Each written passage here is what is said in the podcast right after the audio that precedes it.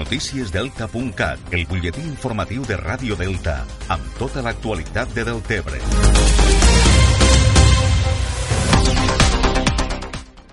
Una escultura hiperrealista de l'artista de Deltebre Cristina Iglesias presidirà la plaça de les Dones que s'ha començat a construir a l'antic espai de Mobles Delta, una de les principals entrades de Deltebre per l'avinguda Goles de l'Ebre.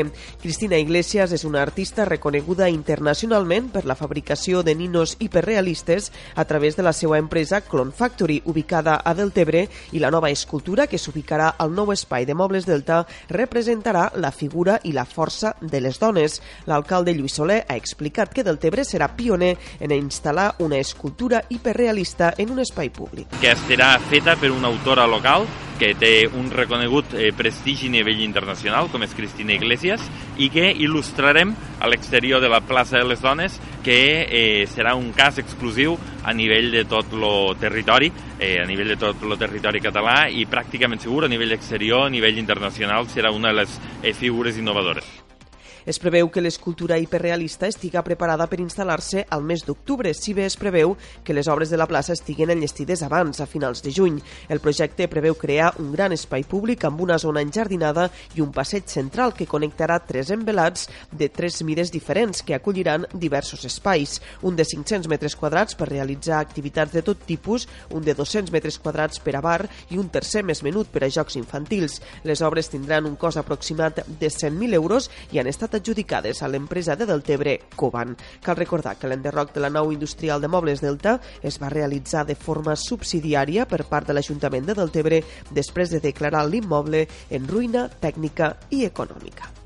Més qüestions. L'alcalde de Deltebre, Lluís Soler, va rebre el passat divendres, demà del conseller de Territori i Sostenibilitat, Damià Calvet, la bandera blava que aquest estiu tornarà a onejar a la platja de Riumar. L'acte d'entrega del distintiu Bandera Blava es va fer el passat divendres a Calella i es van entregar un total de 97 banderes que onejaran en diferents platges de Catalunya aquest estiu. El distintiu l'entrega anualment un tribunal internacional de la Fundació d'Educació Ambiental que avalua l'estat de les platges, la qualitat de l'aigua l'aigua i els serveis que ofereixen. L'empresari tortosí Francesc Fages, propietari de l'empresa Olis Fages, és el nou president de la Cambra de Comerç de Tortosa.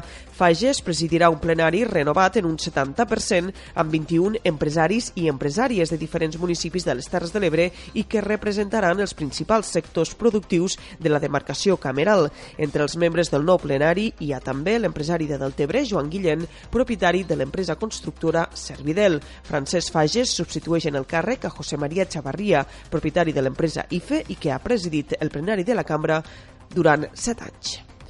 Diferents experts participaran els dies 21 i 22 de juny en unes jornades sobre sostenibilitat al Centre Ebreterra de Deltebre. Les jornades duran per títol Som Terra, Som Ebre, viatge a la sostenibilitat i tindran com a objectiu analitzar i debatre des de l'anomenada ecopsicologia sobre la reconnexió amb la natura en favor de la sostenibilitat del planeta. La primera jornada es farà el dia 20 al campus de la URB a Tarragona i a partir del dia 21 les jornades es traslladaran a Deltebre. La conferència inaugural anirà a càrrec de la rectora de la Universitat Rovira i Virgili, Maria José Figueras, amb una conferència sobre l'aigua. També hi haurà una taula de debat sobre la nova cultura de l'aigua amb la participació de Manolo Tomàs de la Plataforma Defensa de l'Ebre, del tècnic José Maria Franquet, d'Eusebi Nomen, de Water Global Access o José Carlos Loaso, de l'ACA. Una altra taula reunirà Carles Ibáñez, Gabriel Borràs o Elvira Carles per a tractar el canvi climàtic. També es faran diàlegs verds amb experts internacionals en ecopsicologia i el dissabte dissabte dia 22 es tancarà la cita amb una visita al Parc Natural dels Ports.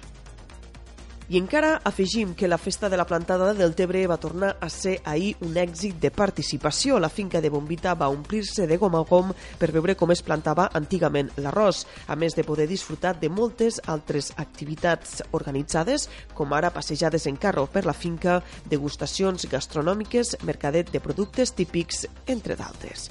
Això és tot el que us expliquem per ara. Ja saben que trobaran més notícies de Deltebre, com sempre, al portal deltacat.cat.